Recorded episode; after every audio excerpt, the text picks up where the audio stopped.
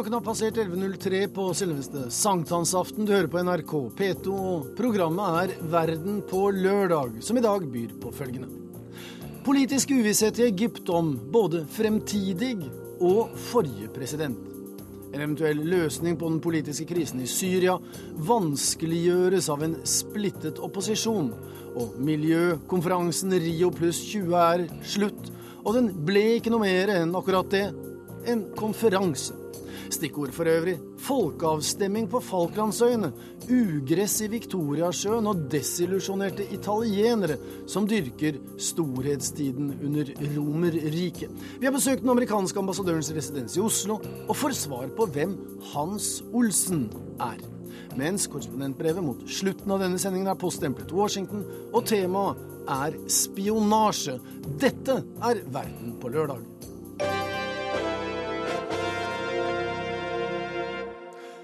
Men vi åpner altså denne sendingen i Egypt, der det også i natt har vært demonstrasjoner på Tahrir-plassen sentralt i Kairo i protest mot at resultatet fra presidentvalget sist helg lar vente på seg. Vår mann i Kairo, Sigurd Falkenberg Mikkelsen, følger denne utviklingen tett. Det muslimske brorskapet hevder de har vunnet helgens presidentvalg. Men det gjør også motkandidaten Ahmed Shafiq, og det offisielle resultatet skulle vært offentliggjort i går men valgkommisjonen sier de trenger mer tid for å behandle klager.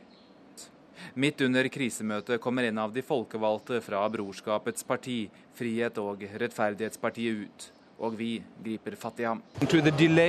In, uh, in announcement, announcement uh, we are in the square, Tahrir Square, and we'll be uh, vi er på Tahrir-plassen, og vi vil snart være på alle andre plasser rundt om i Egypt hvis det ikke kommer mer resultatet snart, sier Ahmed Mohammed Bassem.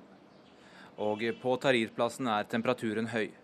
Brorskapets ungdommer føler seg frarøvet seieren.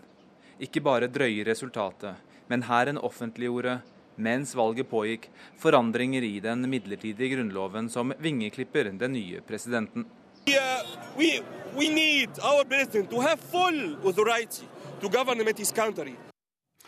Ja, Det muslimske brorskap vil altså ikke bare ha presidenten, de krever i tillegg at presidenten skal ha handlerom og reell makt. Men hvor lenge må de og andre egyptere vente før de får vite hvem som er deres neste president. Og Sigurd Falkenberg Mikkelsen, du er med oss direkte fra Kairo. Hvor lenge klarer de å vente før, de, før noe virkelig alvorlig skjer? Ja, altså, Det skulle jo vært annonsert på torsdag. Nå er det eh, utsatt til denne helgen og muligens i morgen. Men eh, hvis vi har lært noe de siste par ukene, så er, eh, så er det at ingenting er umulig her nede. Og det kan godt drøye. Men vi ser altså at det bygger seg opp demonstrasjoner på Tahrir-plassen. Først og fremst med brorskapsfolk og andre islamister. For å protestere mot at dette tar så lang tid. Men samtidig så, så har de også møtt møtt en del motstand ved å erklære seier så tidlig, og også fordi deres eh, politiske handlinger det siste året ikke har vært uproblematiske. sånn at det er, en, det er en komplisert situasjon, men eh, det kan dra ut i tid. og lenger, eh, Jo lenger det drar ut i tid, jo, jo større er farene for potensielle voldelige opptøyer. Men samtidig så vet vi at det er kontakt, det er parallelle bakkanaler der de militære snakker med, med, det muslimske brorskapet. Men her er det vel ikke noe tillit i det hele tatt? Man, er det noen forhåpninger i den type forbindelser?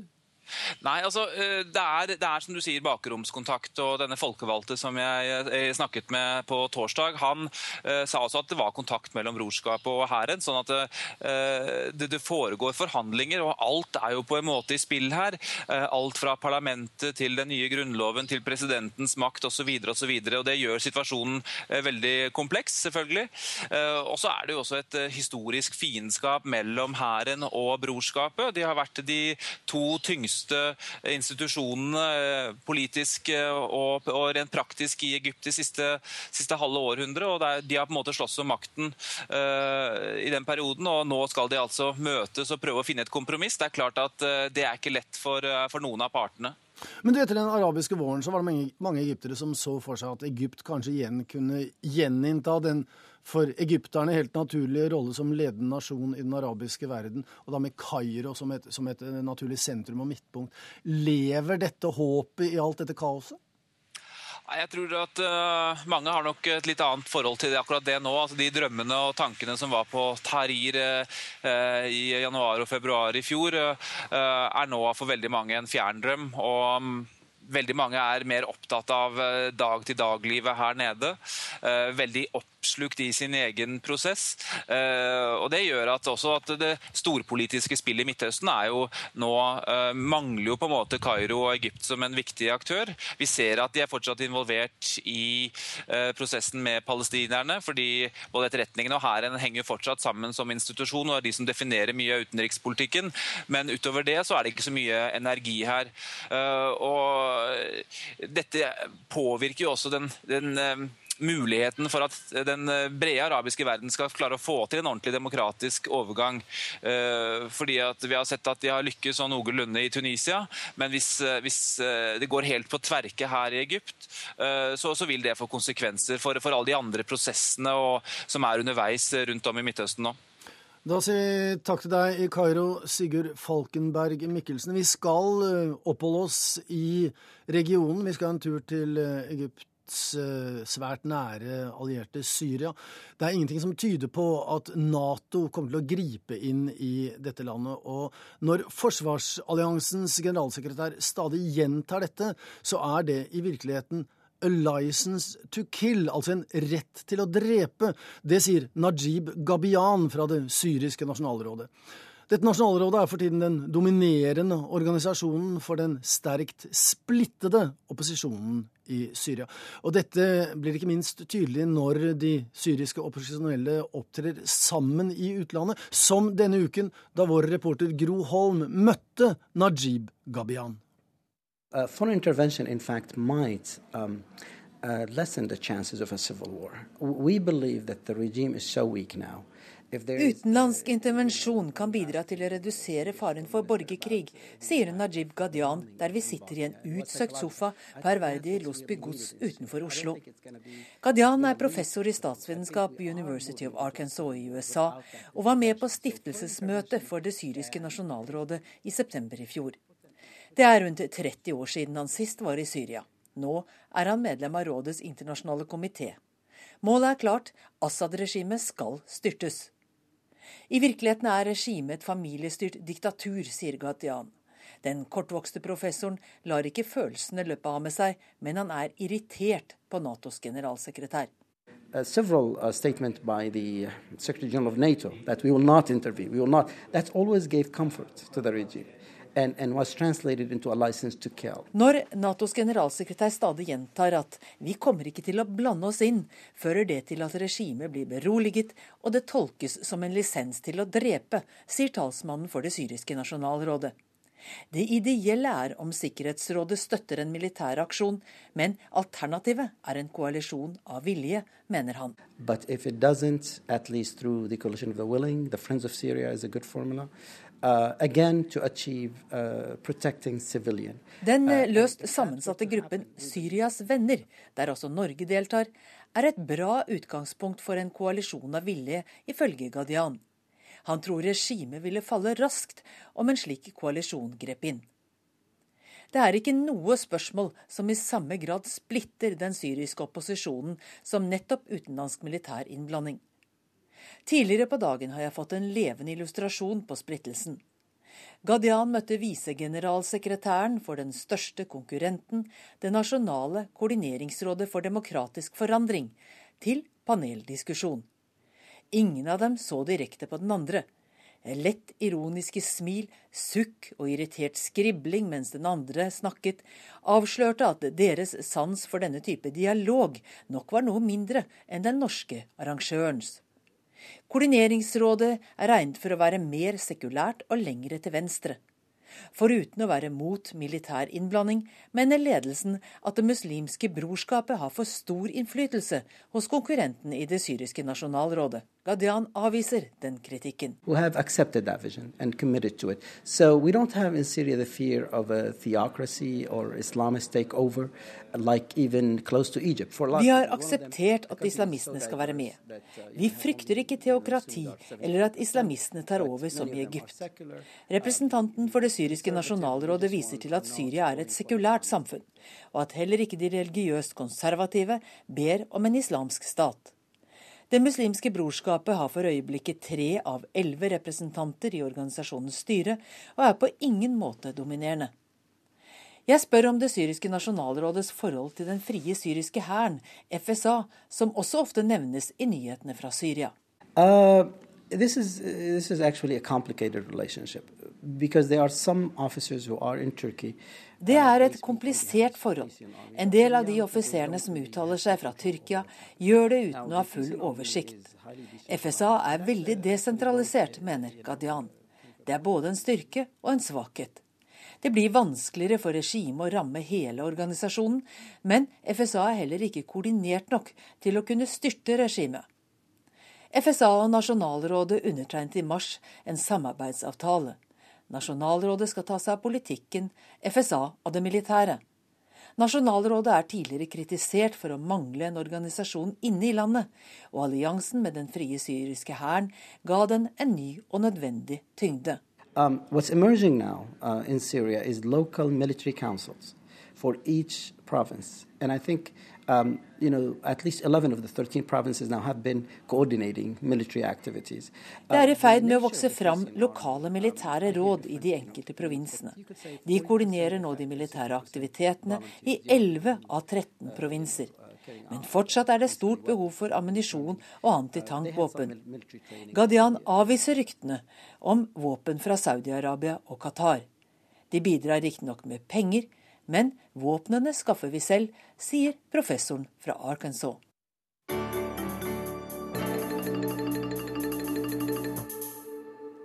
Miljøtoppmøte Rio pluss 20, fordi det er 20 år siden forrige miljøtoppmøte i Rio, var over i natt. Grønne aktivister har allerede rukket å kritisere sluttdokumentet nord og ned fordi det er tannløst, uforpliktende og uten visjoner. Ansvarlig fra norsk side er naturlig nok statsminister Jens Stoltenberg, men mannen som har vært med på å flytte kommaer, velge preposisjoner og akseptere disse angivelig så vassende formuleringene, han heter Harald Neple. Vår reporter i Rio, Lars Nehru Sand, har møtt den norske forhandleren Neple i Rio og opplevd diplomatiets kanskje ikke fullt så glamorøse hverdag. Hvordan er fordelingen på bilene? Takk skal du ha. Han som skal stake ut kursen for kloden, vet ikke hvor han skal. Men hvilken bil er det vi skal i? Hvor er eh, Den går der. Harald Neple skal til det 571 000 kvadratmeter store toppmøtesenteret, der verdens land skal finne ordene til en ny avtale om bærekraftig utvikling. 20 år etter forrige Rio-avtale. Eh, nå skal vi ut og begynne å sjekke tekster. Er, eh, tekstene er lagt ut. Det er han som finner ordene Stoltenberg forsvarer, organisasjonene kritiserer og fattige og rike land krangler om. Siden mars har han flikket på setninger og studert verb. Den siste halvannen uke på en blå stol i et strengt bevoktet auditorium i en hall i Rio. Det har vært en gjensidig respekt for at man kommer fra ulike ståsteder, og at det vi jobber med er å prøve å finne noe i midten. Det er jo det som dette her er. Eh, og Da gjelder det å vite når du skal gi deg og når du skal jenke litt på kravene, ikke sant? sånn at du finner den konsensusen. Vi kan jo prøve å se om de, de strenge vaktene slipper deg inn. Har du kortet ditt fremme? He's with me, I will take him back. Yeah? Okay, thank you. Jeg trodde ikke du kom inn heller. Det er en stor plastbrakkelandsby hvor hvert land har sitt eget lille kontor. Her har det foregått mye, vet du. For her er, det, her er det kontorer og møterom. ikke sant? Så her har jeg sittet rundt omkring og forhandlet delvis når vi har holdt på i små, uformelle grupper. Han har småløpt mellom landene, banket på dørene og foreslått ord ord så mektige at han bygger allianser for å få endret likestilling mellom kjønnene til likestilling mellom mann og kvinne. Nei, det er ikke alt dette, det er jo det som er poenget. At alt som ser ut som en detalj, betyr noe helt annet. Når du snakker om gender equality, så er det veldig ofte for å løfte opp den svake parten, som er kvinner. Når du sier at det er language on equality between men and women, det er viktig, for da har du likestilling mellom mann og kvinne. Skjønner du? Egentlig ikke men nyansenivået, forstår man jo. Ja, men små ord betyr veldig mye. Putter du inn 'as appropriate' i en setning, så betyr det at det er ikke så forpliktende som det kunne være. For da kan det hver part bestemme. Og hvis du søker på antall 'as appropriate' i dokument, så tror jeg du finner ganske mange. Og vi liker ikke dem. Men hvis du sier f.eks. ordet du bruker 'commit ourselves', som står nederst her, det er, da forplikter du deg. Ja, Det, det brukes nesten aldri. Jo, det er en del commits, men det er ikke så mange. Recognize og acknowledge det er ikke jeg. Men det er sikkert noen som finner noen store nyanseforskjeller her. Note versus welcome. Welcome er sterkere enn bare å notere og take note of. Så, så nå bruker dere lang tid på? Nei, lang tid og lang tid. Det kan vi godt gjøre, fordi det er viktig. Og det er det. The devil is in the detail når du holder på med disse tingene. Det høres helt surrealistisk ut for en som ikke er inne i rommet. Ja, det kan man si. Det er et spill på mange måter også. Og her var det mye mennesker. Det står matsal på skiltet, men det er en stor grå spisehangar det er. Avtalen er nettopp ferdig forhandlet. Ja, ikke for Stoltenberg, da. Han sitter på flyet. Men Neple vil feire. Burrito chicken. You have beer? Det er første gangen jeg kunne tenke på å ta en øl hele uken. Eh, Coca-Cola. Coca-Cola is okay luksuslunsj. Hva skal vi kalle denne ordflikkingen? Det er fascinerende, det er øh, spennende og til tider meget frustrerende. Ja, Er det ikke det? Jo, selvfølgelig. Herlighet. Spisepausen er over, men jobben fortsetter. Ja, vi kan gå og sette oss inn på møterommet. Han synes forhandling fryder. Jeg smører meg med veldig mye tålmodighet. Og en mangfoldig erfaring på CV-en. Jeg er veldig eh, ivrig til pruter. Det har jeg gjort i alle år. Jeg har bodd i Thailand for mange mange år siden. Og da lærte jeg meg akkurat nok thai til å prute på thai, og det ble jeg ganske god til. Ja, det sa Harald Neple fra Rio. Og vi skal fortsatt oppholde oss i Latin-Amerika. I alle fall geografisk og det er vel det noe av striden står om. For neste år skal innbyggerne på de omstridte Falklandsøyene utenfor Argentina holde folkeavstemning om de i fremtiden skal bli uavhengige fra Storbritannia. Nå er nok mye av hensikten med denne voteringen å vise argentinske myndigheter at folket der selv ønsker å forbli britiske, og kanskje dermed dempe argentinernes Malvinas-forhåpninger en smule. Cuando yo veía hoy en el 10 de Downing Street ondear la den argentinske presidenten Cristina Fernandes argumenterer sterkt for at Falklandsøyene igjen må bli en del av Argentina. Fernandes møtte opp i FNs komité for avkolonisering. Og denne uka ble det klart at alle de 24 medlemslandene stiller seg bak kravet om at Storbritannia må gi fra seg øygruppen i Sør-Atlanteren. Dette var en liten seier for Argentina, men den gjør ikke særlig inntrykk verken på britiske myndigheter eller på innbyggerne på Falklandsøyene. We certainly have no desire to be ruled by the government in Buenos Aires, a fact that is immediately obvious to anyone who has visited the islands and heard our views. Vi har ikke noe ønske om å bli styrt av myndighetene i Buenos Aires, sier Gavin Short, som er medlem av Falklandsøyenes lovgivende forsamling. Han er også en av initiativtakerne til folkeavstemningen om uavhengighet, som skal holdes om vel et halvt års tid. We have thought carefully about how to convey a strong message to the outside world that expresses the views of the Falklands people in a clear, democratic and incontestable way. For folk på Falklandsøyene er det viktig å slå fast en gang for alle at de ønsker å tilhøre Storbritannia, sier Gavin Short. De vil tilbakevise påstandene fra argentinske myndigheter om at de i virkeligheten er gisler som holdes på øyene mot sin vilje av britiske soldater. Utfallet av folkeavstemningen er mildt sagt gitt på forhånd, så det er vel ikke så rart at initiativet støttes av britiske myndigheter. We support the Falkland Islanders' right to self determination. And what the Argentinians have been saying recently, I would argue, is actually far more like colonialism. Because these people want to remain British, and the Argentinians want them to do something else. Ordkrigen mellom Storbritannia og Argentina har tatt seg kraftig opp den siste tiden. Cameron og Fernandes møtte hverandre i en korridor under G20-møtet i Rio denne uka, og de hadde en kort samtale. Cameron sa bl.a. at den argentinske presidentens voldsomme utfall mot Storbritannia og statsministeren personlig er helt uakseptable. Fernandes forsøkte å gi Cameron en konvolutt med dokumenter, men den britiske statsministeren snudde seg demonstrativt og gikk fra stedet. Så kontakten førte helt klart ikke til noen tilnærming i spørsmålet om Falklandsøyene.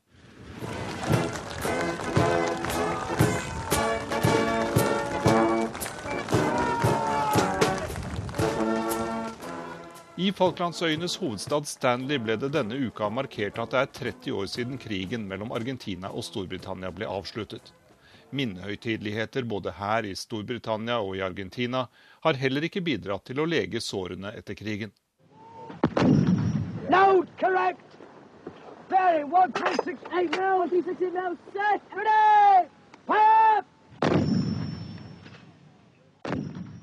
Det var i begynnelsen av april i 1982 at argentinske militære styrker tok kontrollen over øyene. De argentinske lederne hevdet at Malvinas, som de kaller øyene, ble stjålet fra dem av britene i 1833, og at det var på tide å ta dem tilbake. Etter et par uker ankom de britiske styrkene, og etter intense, men kortvarige kamper trakk argentinerne seg tilbake. Og nå, 30 år senere, anklager Argentina Storbritannia for å bygge opp sine militære styrker på Falklandsøyene. De som bor der, har liten tro på at det kan bli en ny militær konflikt.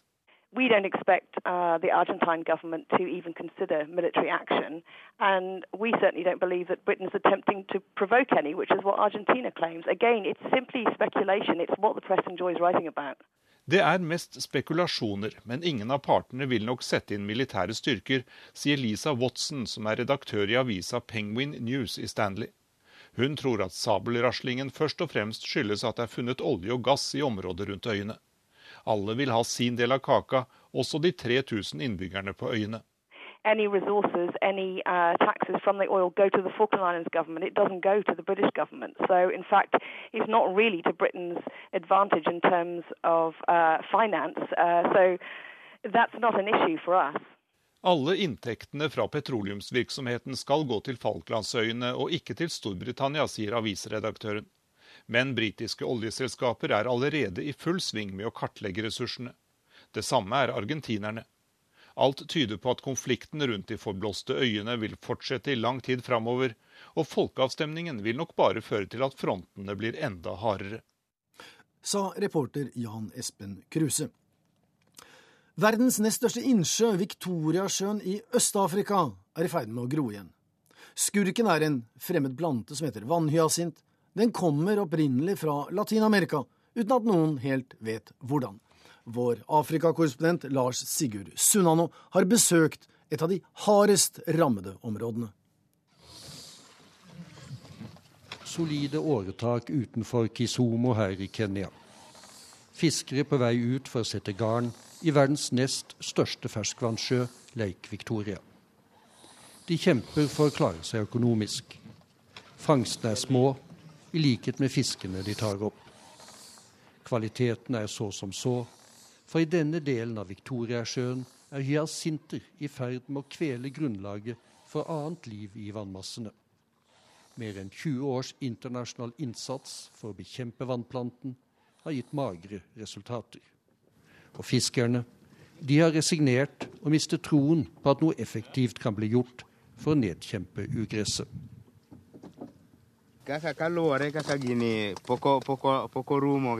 Vi stoler ikke på myndighetene, sier Collins og Cheng. De kom opp med et prosjekt som skulle utslette hyasintene. Men det virket aldri. Det virker som om de har løyet.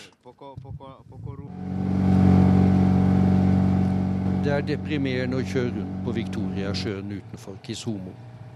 Vannet er ikke blått lenger. Det er brunt og grønt av algevekst. Algene lever godt på urenset kloakk, som kommer ut fra tre millioner innbyggere i denne byen vest i Kenya. I tillegg bringer flere elver store mengder næringssalter ut fra landbruksområdene rundt byen. Resultatet er blitt en ønskesuppe for vannhyasintene som dukket opp i Viktoriasjøen så tidlig som i 1985. Nå dekker plantene et enormt område, og bare effektive rensetiltak på land vil kunne ta knekken på dem, sier Obiero Unganga. Han er direktør for miljøorganisasjonen Oceanala, Viktoriasjøens venner. So they, they, they need to be improved so that the water is clean, and then there will be no problem of water hyacinth. Til tross for at Verdensbanken, Det internasjonale pengefondet, FN og EU har støttet kampen mot vannhyasintene med store beløp de siste 20 årene, er det et høyst magert resultat vi er vitne til under båsturen utenfor Kisomo. Vi ser fiskere som sliter med å finne igjen garnlenkene sine. For de tykke beltene med hyasinter driver med vær og vind og dekker dem til. Det kan gå dager før det blir mulig å finne igjen og trekke lenkene. Og fisken som er godt i garnene, vil da ha stått for lenge. Kvaliteten er blitt så dårlig at den ikke kan selges. Ikke uten grunn spør fiskerne hva alle millionene som er satt av til å bekjempe vannhyasintene, og da særlig Kenya, er blitt brukt til. Francis Vandere, som er en av tillitsmennene for fiskerne som sliter med ugresset i Kisumobukta, velger å gi oss denne forklaringen. What they do with money is to arrange for many seminars in different hotels. Then they get some remunerations. After that, they just tell fishermen to clear them by hand, manually, without being given something. Hva de gjør med pengene er å arrangere en rekke seminarer på forskjellige hoteller, sier han. Så mottar de sine godtgjørelser og ber fiskerne om å fjerne vannhyasintene manuelt, uten betaling. Det går ikke fiskerne med på når de skjønner at det er delt ut penger til formålet, uten at de kommer dem til gode. Om få dager er det 236 år siden britiske kolonister skrev under uavhengighetserklæringen og dannet Amerikas forente stater. Det skjedde den 4. juli 1776, og siden den gang har amerikanerne feiret sin selvstendighet nettopp på denne datoen. Skjønt, de er pragmatiske og kan gjerne flytte feiringen dersom praktiske årsaker tilsier det. Så derfor var det 1700 gjester samlet i den amerikanske ambassadørens residens i Oslo tidligere denne uken, i et helt spesielt hus i den norske hovedstaden. I, I feel very much at home here, partly because it's almost the same age as our house in the U.S. So it's got much the same feel, although our house in the U.S. is, of course, much, much, much smaller. Eleanor White bor i Nobels gate 28 i Oslo, i den såkalte Villa Otium, som i år fyller 100 år. Hun er gift med ambassadør Barry White, og sier at en av fordelene med å ha en så spesiell representasjonsbolig er at de kan da ta imot gjester fra nær og fjern, og få vist den frem. One of the great joys of living in a house like this is being able to open it up to people. So we've on purpose done a lot of receptions, a lot of opening up the house to all different kinds of groups and people and friends in Norway. And I think they appreciate it, and we love seeing their reaction to such a beautiful house. Ambassadør White er enig med sin kone, og han ser ingen motsetning mellom det å bo i så storslagne omgivelser og samtidig ha det som et hjem. It works very, very well. We've got these representational rooms down here where we do a lot of entertaining, but we've got a little hideaway up on the second floor with our bedroom and a little kitchen that uh, we spend most of our time. and study and uh, you know, computer and things up there. Villa Otium, som den heter, ble altså tegnet av datidens store norske arkitekt Henrik Bull, etter at Hans Andreas Nikolai Olsen utlyste en arkitektkonkurranse for familiens privatbolig i 1908. Og dette arkitektoniske klenodiet, det er ikke et hvilket som helst hus på Oslo vest, sier Eva Matshus, seniorkurator for arkitektur ved Nasjonalmuseet. Ja, det er jo for det første en av de største og mest monumentale villaene som fins i hele Norge. Og det er jo plassert bevisst på tomten, sånn at det ligger på høyeste punkt og på nordvesthjørnet. Og sånn at man får en fantastisk utsikt utover den store haven, som i utgangspunktet var enda større. Den gikk faktisk helt ned til Bygdø så den er halvert i forhold til det. Og det er jo fra en periode Det sto jo ferdig for 100 år siden, da i 1912, hvor familien Olsen flyttet inn her. Og det er jo en periode med mange forskjellige stilarter. Men det er vel eh, først og fremst eh, Art Nouveau som eh, preger dette huset. Siden 1927 har USAs mange forskjellige sendemenn bodd i den storslagne villaen et par steinkast syd for Frognerparken. Et arkitektonisk landemerke, ifølge kurator Mats Hus. Et av Norges flotteste bolighus. Finere enn regjeringens representasjonsbolig, Parkveien. Finere enn Trollhaugen. Finere enn det huset arkitekt Henrik Bulls onkel, Ole Bull, fikk satt opp på Lysøen. Dette praktbygget ble altså bestilt av en mann med det beskjedne navnet Hans Olsen. En person de færreste nordmenn har hørt om. Forfatter og journalist Hans Christian Erlandsen derimot, han har brukt mye tid på å grave frem opplysninger om denne mannen. Han var en uh, uhyre spennende kar som uh, Faren var buntmaker i Drammen. Han studerte handelsfag og fant ut at han skulle dra til Russland istedenfor til Amerika, som alle andre dro til den gangen. Så der kom han på begynnelsen av 1880-tallet. Arbeidet seg opp fra å være bare en assistent til en, en skipshavner til å få sin egen forretning. Og så kom han tilfeldigvis i kontakt med Nobelfamilien, som hadde store virksomheter borte i, i Russland. Og Ved en tilfeldighet så fikk de også noen oljekilder i Baku. Og etter noen år så ble Olsen bedt om å være sommervikar for å drifte da salget av denne oljen. Og Da sommeren var over, så, han, så forutsatte de bare at han fortsatte. og da, da, solgte han virksomheten sin og ble da direktør for, for salgsvirksomheten til Nobelselskapet, som rundt 1900 var verdens nest største oljeselskap etter Standard Oil. Og Olsen dro da rundt i hele Europa og forhandlet da oljeavtaler og drev oljekriger gjorde det alene og møtte da delegasjoner på 30-40 fra de andre store selskapene, Shell og, og, og Standard Oil og, og, hvem det nå enn var den gangen. Og Så ble han rett og slett utslitt og fant ut at han ville flytte tilbake igjen til Kristiania. Og kom da hit sånn rundt, rundt 1910. Og så bygget han da det som i dag er den amerikanske ambassadørens residens her i Oslo. Og som er en, en kjempebygning, og bodde her til, til, 1927, før han da flyttet til Sverige. Fordi han hadde jo en, egentlig en svensk kone, han var inngiftet i Nobelfamilien.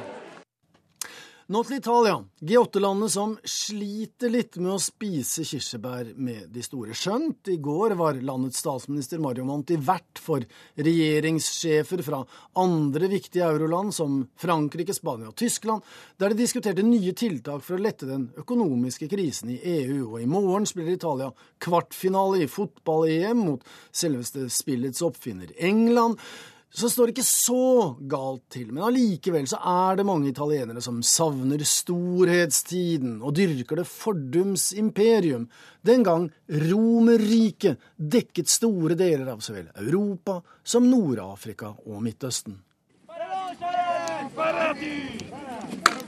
Romerske sverd og rustninger skinner igjen under den italienske sol. Legionærer stiller seg opp i kampformasjon med røde og gullmalte skjold foran seg. En av soldatene har en stor, rund fjær på toppen av den blanke hjelmen for å kjempe mot barbarerne. Il centurione era un ufficiale, era quello che stava di fronte alla sua legione e quindi era il primo a rischiare la propria pelle. Jeg er centurion, en offiser som risikerte livet sitt ved å stå i fremste rekke. Han skulle være et referansepunkt for de andre soldatene, og det er derfor han hadde fjærene i hjelmen, sier Antonio Scalzi. Han er en av dem som ukentlig gjenskaper store slag på et jorde utenfor Roma, byen som en gang var høysete for imperiet som strakk seg fra Skottland til Afghanistan. At Romerriket for mange i, i Italia nå spiller en, en, viktig rolle, det er det ingen tvil om. Simen Ekern er journalist og Italia-ekspert. Og Særlig da på ytre høyre side så ser man en, en, slags nostalgi, en dyrking av den typen um, sverd og slire og hjelmer og uh, Romas storhet, med alle de implikasjoner det har. En slags forsvar mot globaliseringen, et forsvar mot feminiseringen. Og en drøm om, om, om å vende tilbake til den gangen verdens øyne var rettet mot Roma.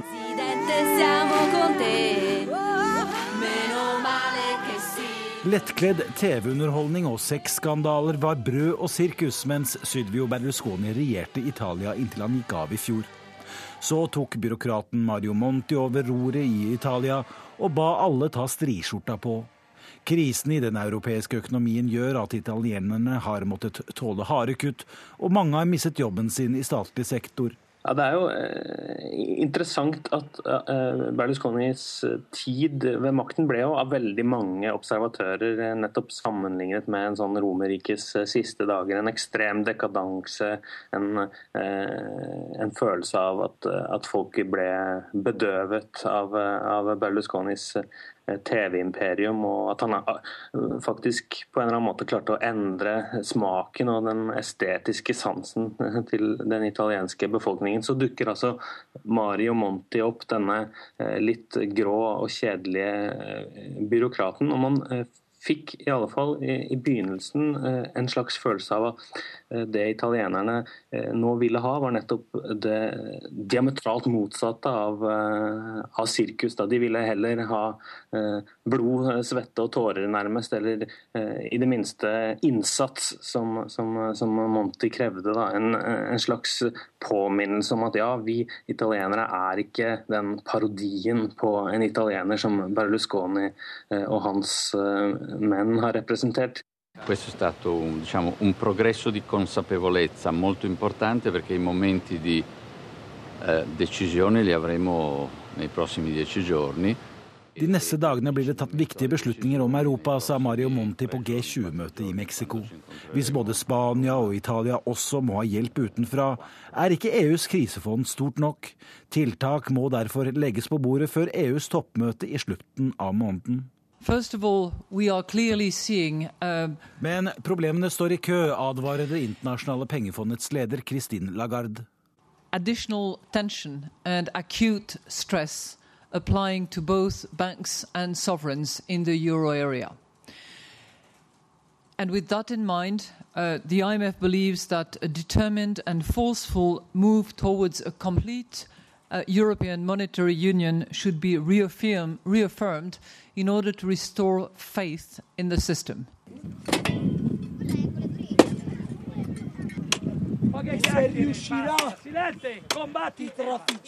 Utenfor Roma reiser en galler sverdet sitt og truer de romerske elitesoldatene. Elitesoldatene som besto av minst 15 000 på det meste.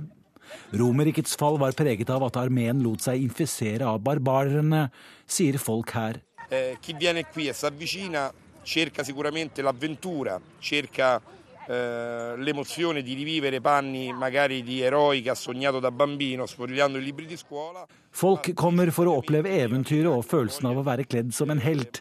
Helten som de har drømt om siden de var barn og leste bøker om romertiden på skolen, sier Giorgio Franchetti.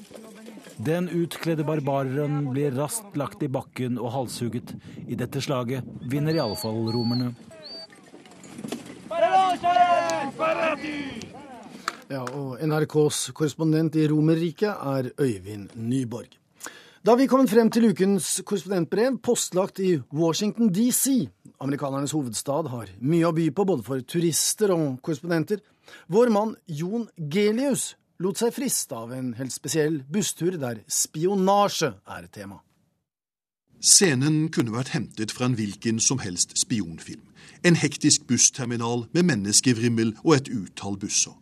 Ingen ville antagelig ha lagt merke til om noen tilforlatelig byttet aviser i folkemylderet. Et gammelt, men fortsatt brukt triks til å pakke inn hemmelige dokumenter eller avsløringer som ikke var ment for utveksling. Jeg befinner meg på den travle Union Station, midt i hjertet av amerikanernes hovedstad denne lørdags formiddagen. Jeg har bussbillett til det som omtales som Spy City Tour, en spiontur i Washington DC. Arrangøren slår fast at Washington er spionhovedstaden fremfor noen i verden, og at det i dag er flere spioner enn noen gang tidligere som opererer her. Ved siden av bussterminalen gjør togene seg klare for avgang. I over 100 år har Union Station vært hovedstadens sentrale nav for all togtrafikk. Det føderale politiet FBI har alltid hatt et våkent øye her. Som i mars 1949, da de skygget en kvinnelig ansatt ved det amerikanske justisdepartementet, som hoppet på et tog til New York. Hun var angivelig en KGB-spion, og skulle møte sin kontaktperson, som var ansatt ved den sovjetiske FN-delegasjonen. Med seg hadde hun det hun trodde var hemmeligstemplede dokumenter, men som viste seg å være fabrikkerte. Den den gang 28 år gamle kvinnen ble dømt for spionasje og konspirasjon. Men strid om bevisførsel og avlytting førte senere til at saken ble lagt bort. Hun havnet aldri i fengsel, giftet seg med sin advokat og døde i fjor nesten 90 år gammel. Og det er gamle Sovjetunionen som utpekes som verstingen på denne sightseeingturen i Washingtons gater. Vi gjør et stopp på hjørnet 16. gate og M Street. Her ligger en staselig bygning med bakveggen mot redaksjonslokalene til storavisen Washington Post. Bygningen er Sovjetunionens tidligere ambassade, og er fortsatt i russisk eie. I dag er bygget gjort om til bolig for den russiske ambassadøren til USA. Tvers over gaten ligger hovedkontoret til National Geographic Society. Under den kalde krigen var KGB sikre på at FBI-agenter var utplassert i toppetasjen for å observere aktivitetene på den andre siden av gaten. Kilden for opplysningen får vi servert via TV-skjerm i bussen. Av den tidligere nestkommanderende sjefen for KGBs operasjoner her i Washington, Oleg Kalugin. Han påstår de hadde full kontroll på FBIs parkerte biler i nabolaget, og at de sågar ganske lett klarte å dekode og avlytte amerikanernes kommunikasjon med de utplasserte bilene. Fra TV-skjermen forteller spionsjefen med et lite smil hvordan de sovjetiske informantene alltid brukte en sidedør inne i ambassaden, mens FBI konsentrerte sin overvåking om hovedinngangen.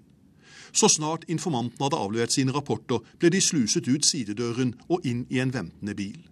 FBI fanget aldri dette opp, påstår den tidligere sovjetiske spionsjefen, og viser til at amerikanernes samband ble avlyttet. En av dem som oppsøkte den sovjetiske ambassaden, var tidligere CIA-agent Aldrich Amos. Han hadde tidligere jobbet for å verve sovjetiske spioner til å jobbe for USA. Men i 1985 skiftet han side og oppsøkte denne ambassadebygningen for å tilby hemmeligheter mot betaling. Hans forræderi mot hjemlandet førte til at minst ti amerikanske spioner ble drept. Amos ble dømt til fengsel på livstid. I dag er han 71 år og soner fortsatt i et fengsel i Pennsylvania. En annen amerikaner, den tidligere marineoffiseren John Anthony Walker, oppsøkte rundt juletider i 1967 også den daværende sovjetiske ambassaden. Han hadde store økonomiske problemer og tilbød seg å selge topphemmelige dokumenter mot betaling. Marineoffiseren involverte senere både kona, sønnen og en student i spionringen. Senere vitnet han mot sin medhjelper og slapp dermed unna livstidsfengsel. Han er ventet å bli prøveløslatt om tre år, etter å ha sonet over 30 år i fengsel. En tredje amerikansk insider, den tidligere etterretningsanalytikeren Ronald Pelton, kontaktet i januar 1980 den sovjetiske ambassaden. Han var slått personlig konkurs og i pengetrøbbel, og tilbød å selge sin kunnskap. Pelton skal ha hatt klisterhjerne og overleverte aldri et skriftlig dokument, men gjenfortalte angivelig innholdet i hemmeligstemplede rapporter på en nærmest fotografisk måte. FBI skal ha fanget opp at en utro tjener hadde kontaktet den sovjetiske ambassaden, men klarte aldri å få sett ham da han første gang entret bygningen midt i hjertet av Washington. Først fem år senere klarte FBI å avsløre hans identitet. Konfronterte Ronald Pelton med mistanken og fikk en tilståelse, selv om FBI ikke satt på noen håndfaste bevis for spionasje. Om drøye tre år kan den nå 71 år gamle tidligere etterretningsanalytikeren belage seg på et liv utenfor murene igjen. På vår busstur passerer vi flere barer og restauranter som var arenaer for utveksling av spionmateriale. Bydelen Georgetown var et populært treffsted i så måte. På puben Chadwicks byttet f.eks. den tidligere omtalte CIA-agenten Aldrich Amos en bag med hemmelige dokumenter mot en bag fylt med penger. Noen kvartaler ovenfor ligger baren Martins Tavern, som kanskje er mest kjent for å være stedet der tidligere president John F. Kennedy fridde til sin Jacqueline. Men baren viser seg også å ha vært et populært vannhull for spioner. Litt lenger opp i samme gate i Georgetown møttes i november 1985 en tidligere høytstående KGB-offiser sin amerikanske CIA-kontakt for å spise middag. KGB-offiseren hadde allerede avslørt to amerikanske etterretningsagenter som KGB-spioner.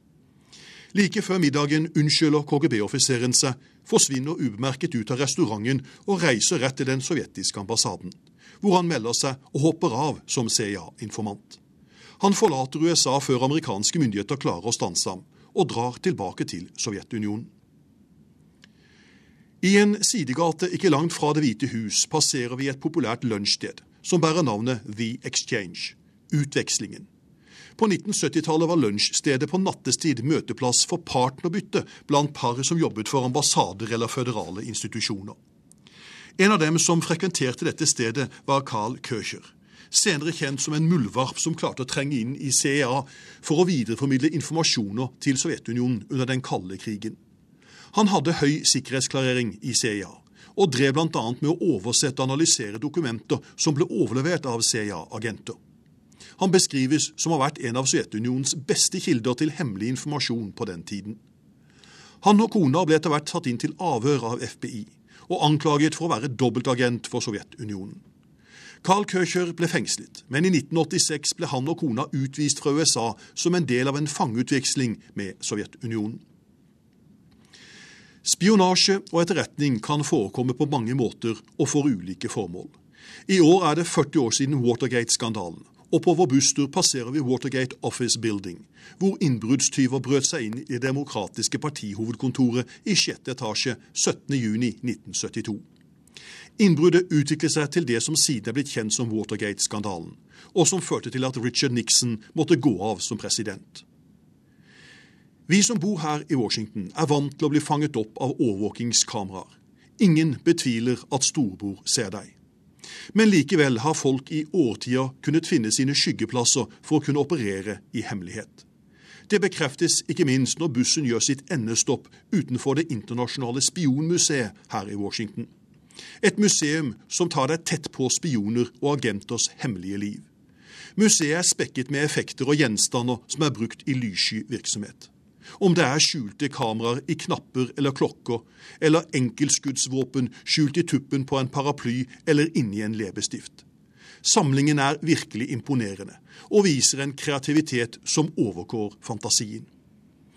Også på dette anerkjente spionmuseet handler det mye om forholdet mellom de tidligere supermaktene USA og Sovjetunionen. I et høyre hjørne står også en blankpolert sølvfarget Aston Martin. Den ultimate spionbilen til James Bond. Første gang vist frem i filmen Goldfinger. Den kule sportsbilen er omkranset av ekte spionhistorier som absolutt er et filmmanus verdig. På min vandring i museet stanser jeg ved en glassmonter med en forseggjort tremedaljong av USAs berømte seil med ørnen. Den håndskårne trekopien ble gitt i gave av en sovjetisk skoleklasse til den daværende amerikanske ambassadøren til Sovjetunionen i 1946. Han takket for gaven og hengte trefiguren opp i ambassaden. Først hele seks år senere ble det avslørt at en bitte liten mikrofon var festet i ørnens nebb, og med en sender skjult i et hulrom som kunne aktiveres fra en parkert bil utenfor ambassaden. Snakk om nebbete spionasje. Sa Jon Gelius. Og de som går med en liten spion i magen, kan få ytterligere inspirasjon ved å lete opp dette korrespondentbrevet på nrk.no, der mange av detaljene og duppedittene Jon Gelius fortalte om, er visualisert på en måte som er vanskelig å få til rent radioteknisk.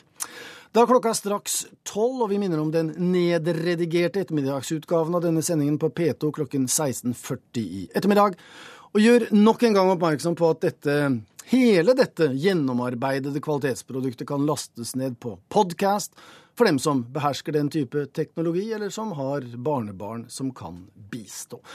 Da er vi ferdig for denne gang, og vi, det er teknisk ansvarlig Lisbeth Sellreite, det er skript Elin Røstad, og her i studio satt Joar Hoel Larsen.